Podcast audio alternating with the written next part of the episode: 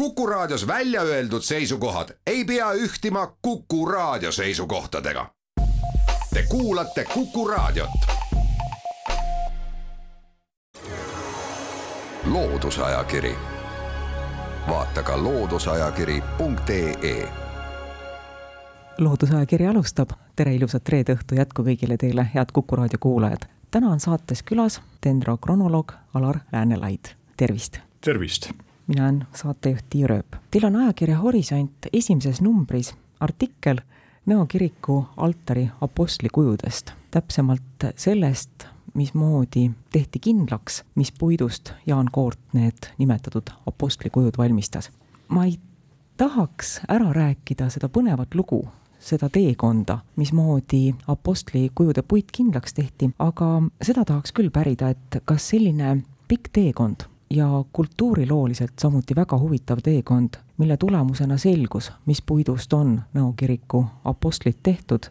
see võis olla oma viie aasta pikkune protsess. kas see on tavaline dendrokronoloogias? see ei ole üldse tavaline, see on väga erandlik, aga tegelikult ma lisaks siia juurde, et äh, nende puuliigi kindlaks tegemine võttis aega ju sada kaksteist aastat, mitte viis aastat sest et keegi ei olnud seda puitu varem tõsiselt uurinud ja toetuti ainult mõningatele kirjandusallikatele, et tegemist on näiteks tammepuiduga.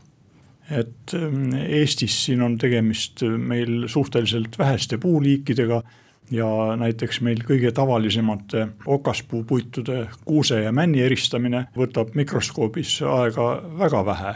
põhiline aeg on ainult, et tuleb teha üks õhukene lõik žiletiga ja sellele tuleb siis mikroskoobis pilk peale heita ja on kohe selge, kas on tegemist männi või kuusega. keerulisemad juhtumid on äh, tavaliselt lehtpuud peale tamme, tammepuidu saab ka väga kiiresti kindlaks teha, aga mitmete teiste Eesti lehtpuuliikidega on natukene rohkem seal tegemist.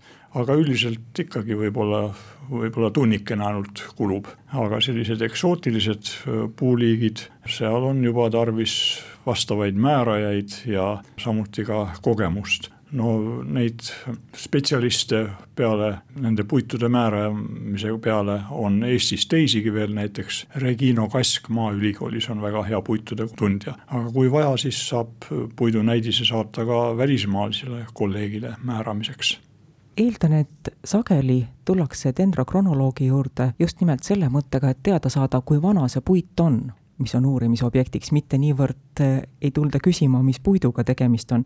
kas ma olen õigesti aru saanud, et kui on puit, mis on pärit sealt võib-olla kaheteistkümnendast, kolmeteistkümnendast sajandist, sellise puidu dendrokronoloogilisel määramisel oleks hea, kui oleks ka teadmised tollasest puidukaubandusest jaa, kindlasti. puidukaubanduse kohta on praeguseks ajaks kogunenud juba üsna palju andmeid, mingisugune teadmine on juba üldharidusest olemas, et teatavasti kui Columbus avastas uue maailma, siis pärast seda hakkas kiiresti arenema kaubandus, sealhulgas ka puidukaubandus ja eriti suures ulatuses kaubandus arenes ütleme siis seitsmeteistkümnenda sajandi lõpust edasi ja mida aeg edasi, seda rohkem, sest et need ohutud kaubandusvõimalused muudkui paranesid. ja sellepärast võiks arvata, et Euroopa on võõrpuitudega üle ujutatud. siiski paljudel puuliikidel on küllaltki spetsiifiline kasutusviis nii et äh, asja eest teist taga nüüd kodumaiseid puuliike ei asendatud võõramaistega mõnedelgi võõramaistel puuliikidel olid mõned head omadused, mida Euroopa puitudel siin ei olnud. No näiteks eukalüptid kasvavad väga kiiresti, et on võimalikult, võimalik massiliselt puitu toota ja seda sisse vedada, siis väga ilusaks peetavat mahagonipuitu tarvitatakse tugeva tumedatoonilise mööbli valmistamiseks, siis eebenipuitu kasutatakse keelpillide sõrmlaua valmistamiseks, nii et on sellised väga kindlad kasutusalad mitmetel puitudel ja loomulikult, kui nüüd uurida siis selliseid tooteid, mingisugust tumedapuidust mööblitükki või, või viiulit, siis on üsna kindel, millest nad tehtud on. Aga sellised traditsioonilisemad ähm, tarbeesemed tehti ka traditsioonilistest puitudest, nii et tavaliselt ikkagi on meil tegemist kodumaiste puuliikidega ja mingisugune Austraalia või Aafrika puit on ikka üsna haruldane see, mis puidust Nõo kiriku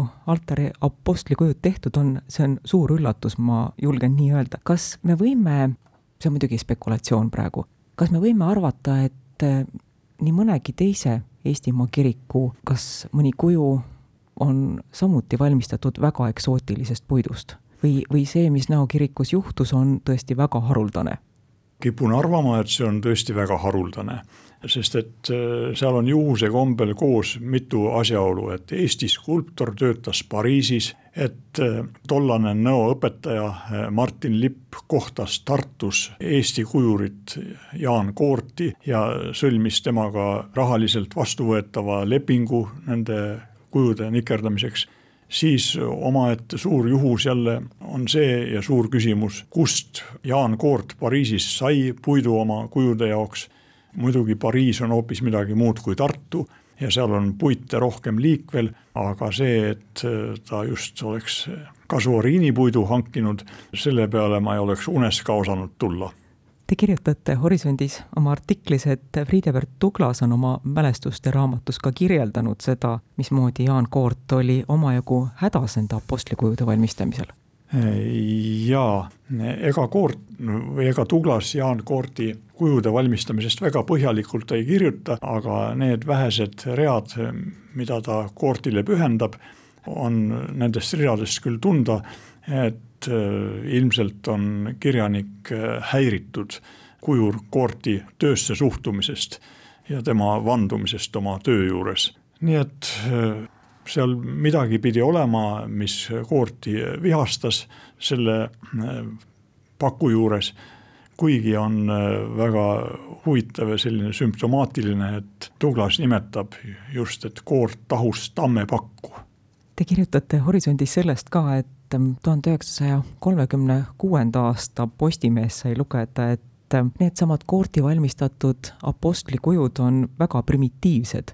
kas me võime oletada, et just nimelt puit on pisut süüdi selles, et need kujud on saanud täpselt sellised, nagu nad on? ma arvan küll, et see on õige oletus ma ei oska arvata, mis oli tollase Postimehe arvustuse tagamaa, miks nii sirgjooneliselt kirjutati, et kujud on väga primitiivsed, aga võimalik, et see võis olla objektiivne hinnang.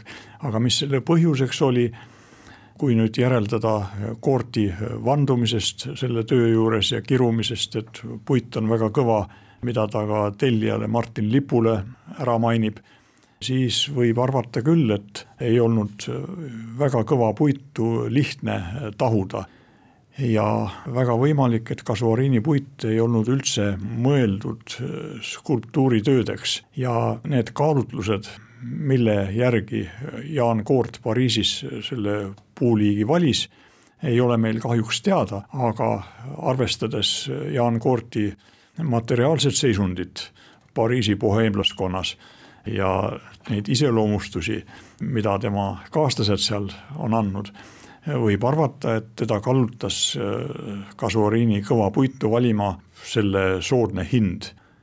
Ja samuti ei ole teada, kas see puit oli siis, kui Jaan Koort tema omandas, kuivanud või toores kui arvestada, et see on nüüd troopiline puit ja ta on toodud kusagilt kaugelt, võimalik, et Aafrikast, nagu üks vihje ütleb, siis pidi see puit olema Pariisi jõudes ilmselt kuivanud. Ja kuivanud puit on üldjuhul veel kõvem kui toores puit. teisalt on teada, et skulptorid eelistasid äh, tahuda oma kujusid valdavalt toorest puidust, sest isegi tammepuit on toorelt äh, palju pehmem ja tahutavam, kui ta on kuivanud. nii et äh, need asjaolud, selle puidu omadused võisid olla väga hästi selleks teguriks, miks tulemus on hiljem hinnatud väga primitiivseks. Ma ei tahaks saates ära rääkida kogu seda lugu, mismoodi selgus, mis puidust on tehtud Nõo kiriku apostlikujud, aga see on läbi käinud, et tegemist on väga eksootilise puiduga. Kasvuariinid, kus nad kasvavad, kes nad on sellised? Kasuariinid on tõesti botaanikute jaoks väga eksootiline puuderühm. no kui lihtsamalt öelda, siis kasuariine ei saa pidada ei lehtpuudeks, selle tavalises mõttes, nagu meie lehtpuid tunneme, ja ei saa neid pidada ka okaspuudeks sest ei ole neil ei okkaid ega lehti, vaid selle asemel nad fotosünteesivad roheliste vartega. Need varred on peened nagu osjavarred, rohelised, lülilised ja kogu see puuvõra jätabki mulje siis otse kui oleksid meie Eesti osad pandud puu otsa kasvama, sellised väikesed rohelised väedikesed seal siis. siis kasuariinide viljad on samuti väga omapärased, nad mingil määral on sarnased meie leppade käbidega, mis on iseenesest ju urvad ja kasuariini vilju võiks ka siis urbadeks pidada ja evolutsiooni seisukohalt on nüüd ka huvitav, et kuidas sellised okaspuulikud tunnused ja osjalikud väljanägemised ja õistaimedele omased õied kõik sattusid ühe ainsa puu otsa kokku. nii et evolutsionistidel on küllaltki keeruline seletada kasuariinide teket vanal ajal oleks öeldud, et sellist asja ei ole loodud ja sellist asja ei saa olemas olla aga ometi need kasuariinid on olemas ja ometi tuleb ka nende olemasolu kuidagi ära seletada. kui tahaks oma silmaga ilusat kasuariini näha, kas siis tuleb Austraaliasse või Aafrikasse minna, näeb teda lähemal ka? Austraaliasse, Aafrikasse minna oleks kindlasti väga huvitav ja kui selline võimalus avaneb, siis ma kindlasti soovitaksin minna ja muude vaatamisväärsuste hulgas vaadata seal ka kasuariine ja samuti saab kasuariine näha Floridas näiteks, kus nad on äh, naturaliseerunud ja, ja selliseks invasiivseks äh, nuhtluseks muutunud, kuid kui ei ole tahtmist teha pikka välisreisi, isegi Pariisi mitte, siis on võimalik külastada näiteks Tartu Ülikooli botaanika- ja kasvuhoonet, kus on ligi kahemeetrised kasuariinid praegu täies elujõus kuigi ilma õite ja viljadeta veel. Ja samuti võib külastada Tallinna botaanikaaeda, kus on veidi suuremad kasuariinid isegi vaatajatele vaatamiseks. Ja igaüks võib ise näha, et on olemas sellised puud, mis ei ole ei lehtpuud ega okaspuud me oleme rääkinud Nõo kiriku apostlikujudest, mis on tõesti väga erilisest puidust tehtud. mis puitu reeglina kasutati Eestis kirikutes? see on ka väga huvitav küsimus ja juhtumisi mul on olnud selle teemaga kokkupuudet ka ühes Eesti Kunstiakadeemia juhitavas uurimisprojektis, mida professor Hilka Hiop on juhatanud. see on siis Kristjan Akkermanni puidunikerdiste uurimine Eesti pühakodades ja kokku olen ma määranud puite umbes viieteistkümnest Eesti kirikust. see on siis skulptuuride ja altari detailide puite ja nende mikroskoopilisel määramisel on tulnud välja ainult kodumaised puuliigid. et on siis kõige enam vast pärn ja mänd, kuid on ka kuusepuitu, on haaba ja tamme samuti. Kesk-Euroopas, nagu enne mainisin juba, et on skulptuurid sageli valmistatud tammepuidust, tamm on loomulikult väärispuit, aga ühtlasi teatavasti kõva puiduga, nii et see on kujurile paras katsumus.